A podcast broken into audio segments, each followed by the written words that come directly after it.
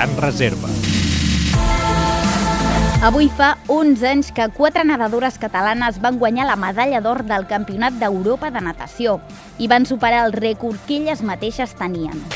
Melissa Caballero, Erika Villaécija, Laura Roca i Tatiana Rouba van guanyar la prova de relleus dels 200 metres a Madrid, davant de l'equip de França i del de Romania. La final de relleus va estar marcada pels crits del públic que les animava sota la pluja. El quartet català va sortir amb Tatiana Rouba en primer lloc, que va ser superada per la romanesa Potec. Melissa Caballero va sortir segona i va acabar primera. En tercer lloc va sortir Laura Roca, que va aguantar la primera posició amb dificultats, i l'última va ser Erika Villaécija, especialista en distàncies més llargues, que va celebrar el títol 3 segons abans d'arribar a la meta.